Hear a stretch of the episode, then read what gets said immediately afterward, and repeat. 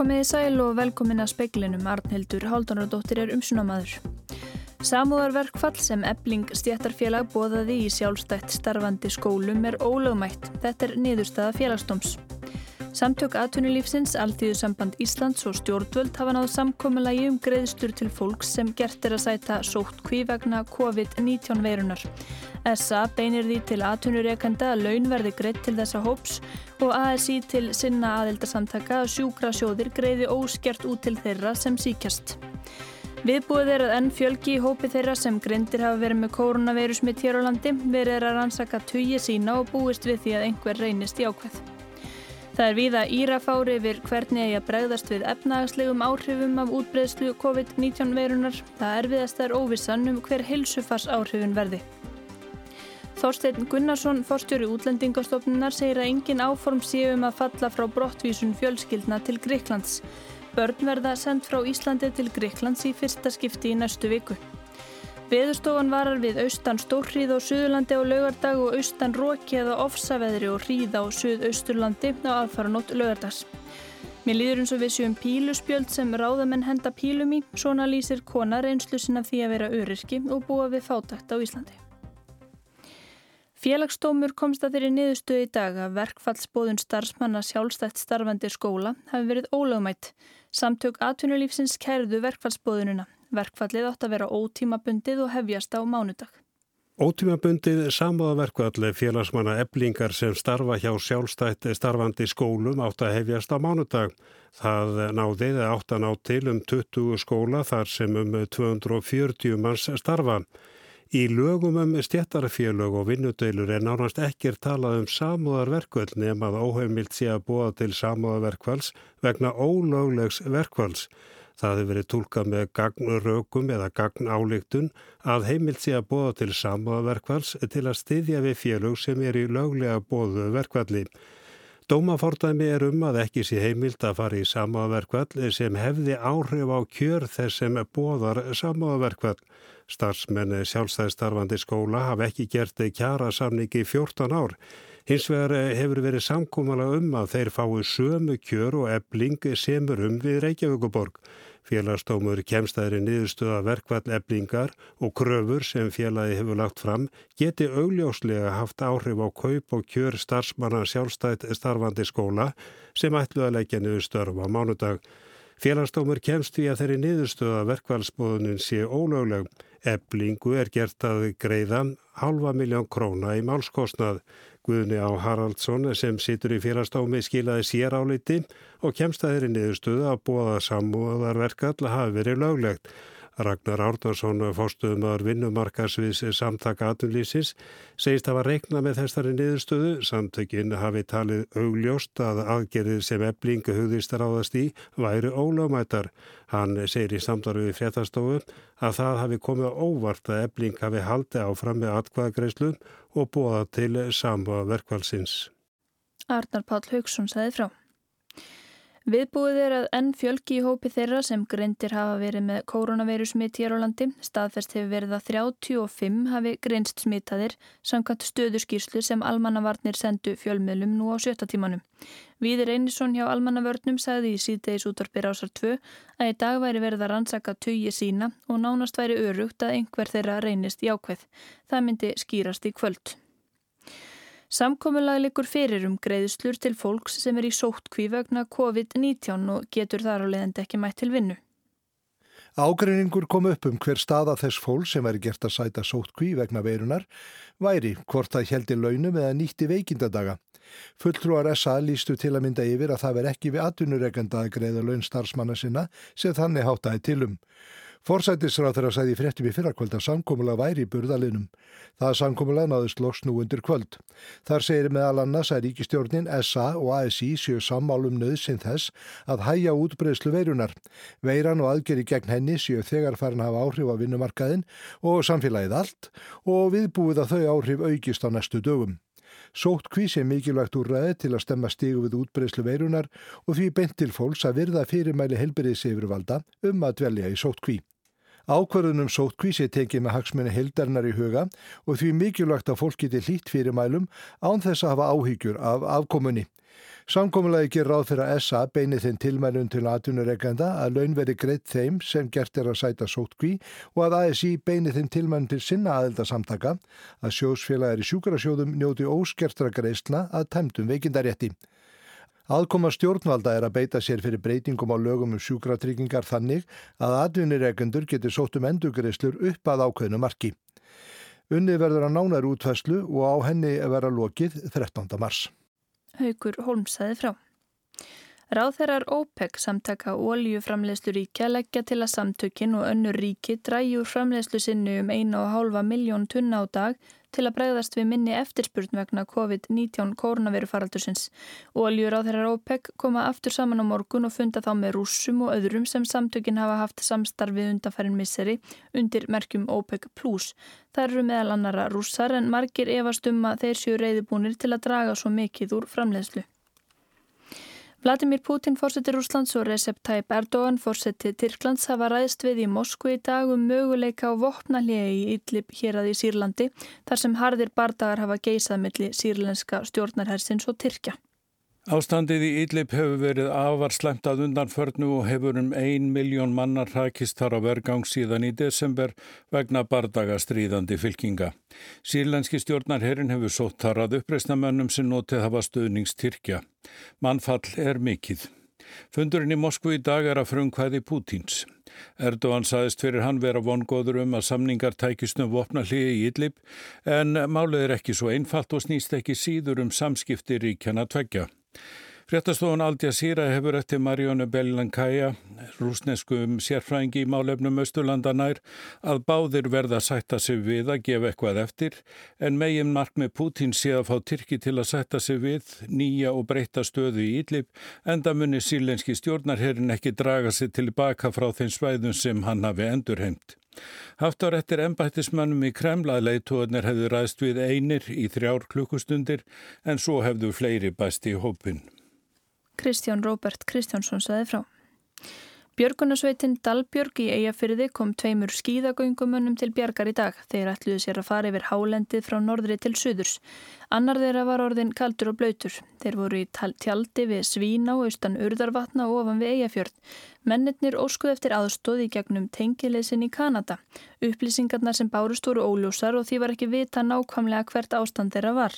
Í tilkynningu landsbjörgar segir að þeir hafi þó farið réttað í undirbúningi sínum fyrir ferðina og verið í sambandi við Safe Travel og skili þar eftir ferðaáallun. Þannig hafi verið hægt að sjá allar upplýsingar um þá og aðstóðu þá fljótt og vel. Þorstein Gunnarsson settur fórstjóri útlendingastofnunar segir að engin áform séum að falla frá brottvísun fjölskyldna til Greiklands. Íslensk stjórnvöld higgjast senda minst fimm fjölskyldur til Greiklands á næstu vikum. Rauðukrossin hefur mótmælt fyrirhugðum brottvísunum en hinga til hafa börn ekki verið sendt frá Íslandi til Greiklands. Þorstein segir að útlendingastofnun falli ekki frá brottvísunum þar sem þær standist útlendingalög og fjölskyldurnar séu þegar með alþjóðlega verndi í Greiklandi við förum bara eftir þeim lögum sem gilda og þeim reglum sem gilda. Og en eins og er ástandi náttúrulega í Gríklandi í þessu dagana og landamærunum er grafalarlegt og við sjáum það að sýstustofnunum okkar eru að, er að byrja að undirbúa sig fyrir það möguleika að það fjölgi um, um alþjóðlega vernd uh, hjá þeim hér í okkar nágrunlundum og í því samhengi er líka verið að skoða það möguleika við, við til þess að það eru ykkur ríki byrjuð að skoða það að bregðast við ákalli gríska stjórnvalda um það að taka við einstaklingum sem eru í, í þeirri stöðu að vera sækjum alþjóðlega vendi í Greiklandi og eru á þessum eigum og þá koma þeim til sín til þess að meðhandla umsóknir þeirra um alþjóðlega vend. Í því samhengi er ekki verið óskætti því að sé verið að taka við einstaklingum sem þá þegar hafa hloti vend í Greiklandi. Saði Þorstedt Gunnarsson. Elizabeth Warren sem situr í öldungadeild bandaríkjathings fyrir Massachusetts ætlar að hætta við að sækjast eftir því að verða frambjóðandi demokrataflokksins í fórsetakostningunum í bandaríkunum í november.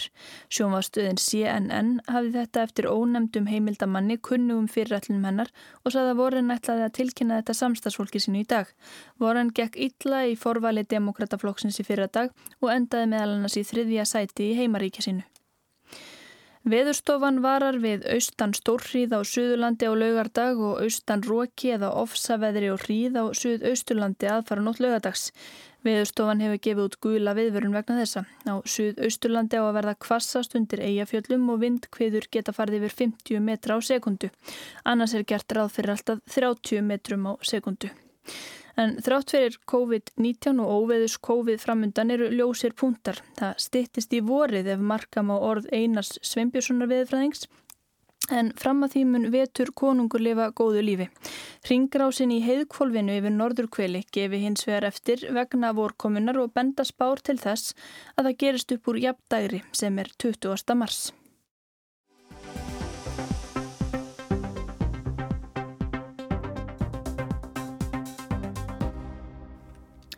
Ebling mun líklega ekki fresta verkföllum í ljósi þess að félagið hefur þegar veitt miklar undanþáur vegna barátunar við COVID-19 veiruna. Verkföll BSRB félaga hefjast að óbreyttu á mánudag. Formaður Sameikis segir að teki verði tillit til áhugna landlæknis, sótarnalæknis og ríkislauglustjóra og veittar verði auknar undanþáur vegna COVID-19. Það þýðir þó ekki að öllum verkföllum verði frestað. Að óbreyttu hefjast fleiri verkvöld á mánudag, samúðarverkvöld stafsmannar sjálfstæðara skóla, aðalegi Reykjavík, átt að hefjast á mánudag. Það hefur núna verið dæmt ólöglegt í félagsdómi, en verkvöld félagsmanna eblingar sem starfa í öðrum sveitarfélögum með Reykjavík mun hefjast. Umfangsmesta verkvöldi sem hefst á að óbreytum eru skæruverkvöld BSRB og ótímabundi verkvöld sameikis á tilteknum stopnunum og á vinnustöðum. Það mun lama skólahald og starfsemi frístundaheimila, svo eitthvað sé nefnt. Skæruverkvöldi BSRB félaga á mánudag munu standa út mánuðin með hljöfum. Landlæknir, sótvarnalæknir og ríkislörglustjóri hafa áhyggjur af þessum verkvöllum.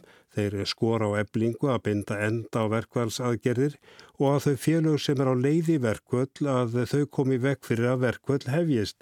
Þeir segi brefi til þeirra að líklegt sé að verkvælsaðgerir muni draga úr sótvarnaraðgerðum sem nú er í gangi gegn COVID-19 veirunni með ófyrirsjöðum afleðingum fyrir líðhelsu hér á landi.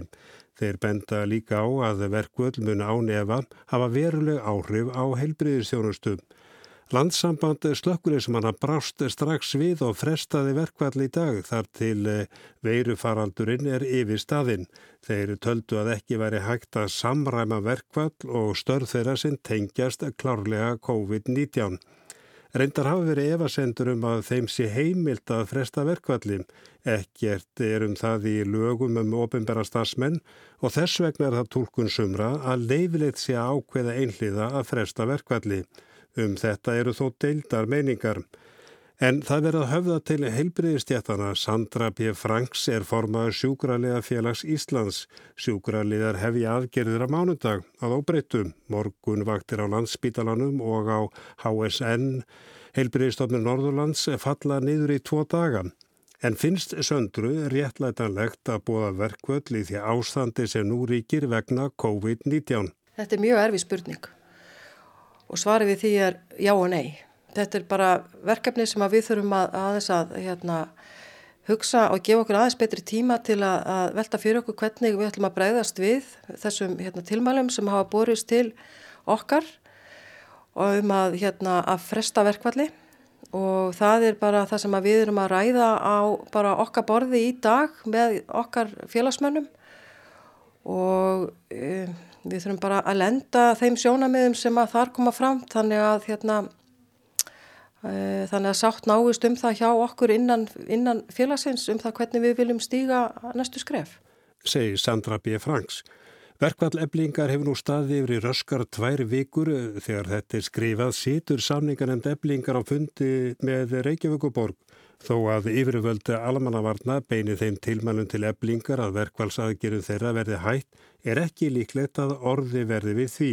Rökin eru þau að ebling hafi þegar veitt undan þáur sem tengjast beint barátunni við COVID-19, segir Viðar Þorsteinsson, frangvöldastjóri eblingar. Já, ólíkt hinnum stjættafélagunum sem að þarna fá þetta minnisblad, þá náttúrulega erum við þegar búin að hefja aðgerðir og höfum þegar gert þar ástafanir og, og bröðist við vegna akkurat þessara mála. Við sendum að eigin frumkvæði erindi til Uh, almannavarna deltaríkislörglustjóra sama dag og, og veiran barst til landsins og fengum þá leifinningar og, og tilmæli sem við höfum svo bara fyllt og höfum verið að veita undan þáur bæði í sortbyrðunni og síðan inni á velferðarsviðinu þar sem er um að ræða uh, þvota og þrýf og, og persónulega umhyrðu og annað slíkt sem að varðar viðkoma hópa.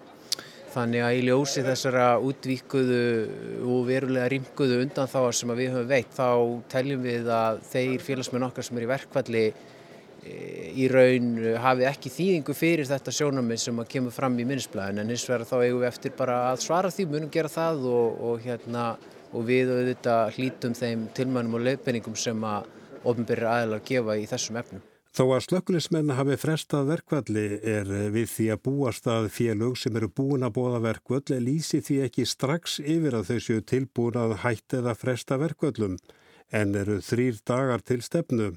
Hvað varðar BSRB-félögin er það fyrst og fremst launaliðurinn sem á eftir að ljúka. Annað er meir og minna komið í höfn. Við spurðum árna Stefán Jónsson, formann Sameikis, hvort hann sé tilbúin að verða við tilmælum almannavarna og frest eða ábóða verkvöld. Hvað var það það bregð að þá eh, er það náttúrulega þannig að við munum e, fara eftir eh, þeim ráðleikingum sem kemur svo sem fram þar. Við munum e, passa okkur á því að við séum ekki að ganga gegn e, helbriðis málum eins og þau leggjast upp. Við munum ekki gera það, við munum taka tillit í þess. E, það þýðir hins vegar ekki að þurfa að fresta verkvöldunum öllum sko. Þetta er þá spurningin um landsbítanan og helsugjörsluna eða einhver leiti en það er bara allt og snemt að tala um þetta núna. Sko þrýr dagar e, eru hér eftir þar til við komum að verkvöldi og við ætlum að, að reyna að semja og þrýr dagar í samningunum verður langu tími. En þú ert að segja kannski með öðrum árum, orðum að á sunnundag komið til greina að lýsi yfir ykkur að það muni ekki ja, skella á verkvöld hjá heilbreyðisfólki en, eh, en þú ert ekki tilbúin að segja að, að, að verkvöldu verði almennt fresta. Nei, ég er alls ekki tilbúin að segja það. Uh, hins vegar þá verður munið þetta ganga þannig fyrir sig að, að ég gerir ráð fyrir því að uh, það, það er heilbreyðistofnarnir sem teljar sér þurfa að fá í vítækara uh, undanþáur heldur en eru til staðar núna að þær munið senda það til okkar í undanþáu nefnd en hún, starf, hún starfar þannig að einn aðili frá stjættafélaginu og einn frá ríkinu og þar munum við sko, skoða þær undanþáur hvernig, hvort að það sé þá út frá þessum sjónamöðum sem er að koma núna framvarandi þess að blessa það veiru hvort að við gefum þá þessar undanþáur Þetta var átnið Stefán Jónsson, Arnar Páll Haugsson tók saman.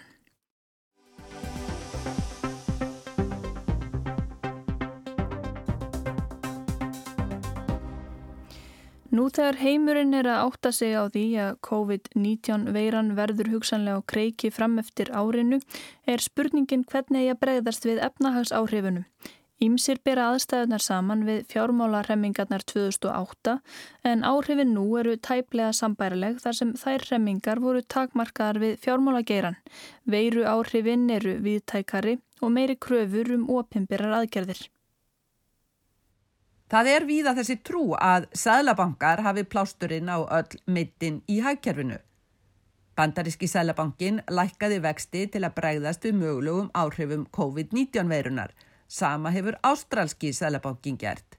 En eftir lækkunina nýtti Jerome Powell, sælabankastjóri bandaríkjana á, að vaksta lækkun dregur ekki úr smitraða áhrif bankans aðeins takmörkuð í veiruefnum. Í leiðara New York Times eftir vaksta lækkunina sagði að aðgerðir ríkistjórnarnar skiptu mestu. Hið fyrsta væri að tryggja aðgang að veiruprófum og endilega að þau veru ókipis. Þetta síðasta ókepispróf er stormál í bandaríkjanum þar sem heilbriðstjónusta er dýr. Í síðustu viku þegar veiruvandin fór að blasa við Vesturlandum var því víða sleið upp að efnahags áfallið nú geti orði mun verra en fjármálarhemmingarnar 2008. En þetta gæti verið frekar marklítil samlíking. Vandin 2008 var hræðsla banka við að lána af því það vantaði yfir sín hvar möguleg útlánatöp leindust. Þá eru síkil dráð að sælabankar lækki vexti og eða auki lausafjöu umferð til að ítundir útlán og umsveif. Núna eru aðstæður all nokkru floknari. Í stórum dráttum blasir nú við tvennskonar efnagsvandi. Annað er að virðiskeðjur rofna, það er framleiðsla í einu landi er háð vörum frá öðru landi. Eitt dæmið er að bílaframlegendur hér í Bredlandi fá ekki vöru frá Kína því verksmiðu þar hafa lokað. Hitt er vandin sem sprettur á því að fólk er eða verður hugsanlega lítið sem ekkert á ferðinni, hvort sem eru lengri ferðalög eða mannamóti í nærum hverfinu á veitingastöðum og víðar. Engverjir væru kannski sóttkví eða veikir, Flestir hugsanlega einfallega óviljugir að vera á ferðinni, vilja ekki eiga á hættu að smitast. Látum virðiskeðjur líka millir hluta, lítum á áhrif þess að fólk hreyfi sig ekki. Áhrif á ferðarþjónustu eru auðsæ. Flugbókanir eru nú þegar í lámarki á heimsvísu og það hefur áhrif á gistibókanir. Veiru faraldurinn gæti skapa þær sérstöku aðstæður að fólk er ekki aðeins óviljugra að ferðast, heldur eru heimamenn á hverjum stað óviljúri að fara út á meðal fólks sem er þá eiginlega tvöfalt högg fyrir hvert stað, einhver ferðamannastadi. Greinar sem finna mjög fyrir samdrætti vegna veirufaraldursins eru ljóslega flugfjölög, hótel og aðri gististaðir, en einnig veitinga og kaffihús, kvikmyndahús og leikhús, líka verslanir af ímsutægi svo eitthvað sé nefnt. Skarpur samdráttur ferðarþjónustu á Íslandi gæti vissulega verið högg, líka af því hvað mörg fyrirtæki þeirri grein þar eru ungað árum, hafi ekki sama fjárhagslega borð fyrir báru og gróin fyrirtæki, sama gildir annar staðar. Það mun skipti tvö hort um áhrifin hvort fyrirtæki hafa bolmag til að taka höggi eða ekki. Stjórnir á Vesturlundum hafa flestar líst yfir að þær vilji styðja við viðskiptalífið í veirukrokkum Evrópusambandið leggur til rúmlega 230 miljónir evra. En eitt er að finna fjö, annað er hvernig það gagnist sem best. Breska Flyby flugfélagið er nú farið í þrótt meðal annars vegna veirufaraldursins. En já, félagið hefur högt undan farin misseri fjárfestar búinur að bjarga því einu sinni á ríkið að hjálpa fyrirtækjum sem þegar standa höllum fæti af öðrum ástæðum. Nei, tæplega er svarið sem heyrist víða en samt nú eru nokkri staðir í Breitlandi að mestu án flugsamgangna. Breiðari aðgerðir hafi verið rættar eins og tímabundin lækkun sölu skatts, einnig að fyrirtæki geti dreift greiðslum á skottum og skildum yfir lengri tíma en nú er. Breski yfirvöld eru nú að færast á stig 2 í baráttunni gegn veirufaraldrinum. Fyrsta stíið að einangra veirusmitt er ekki takast. Viðleitni til einangrunar verður ekki hægt en meiri áhersla lögð á að tefja smitið. Ein ábendingin er að sem flestir fái að vinna heimann frá þar sem því verður viðkomið án þess að séu bein ofinber fyrirmæli. Veirufréttinnar fylla hér alla fjölmiðla en þó er enn nóga fólki á ferli hér í höfuborginni. Fólk fer enn í leikus og bíó út að borða að hitta mann og annan. Eftir að stjórnin veifaði harkalegum ráðstöfunum eins og loka skólum er það nú ekki nefnt í byli. Þarna stendur nýfurinn í kunni. Það er snúið að freysta þessa kála COVID-19 veru faraldrinum á þessa kirkja hagkerfið í leiðinni. Segrún Davidsdóttir saði frá.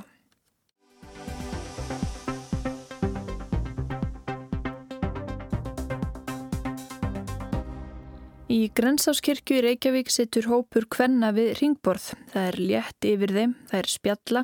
Flestar hafa tilhert þessum hópi í tæp tvö ár, sjálfstyrkingarhópi fyrir konur sem glýma við fátækt.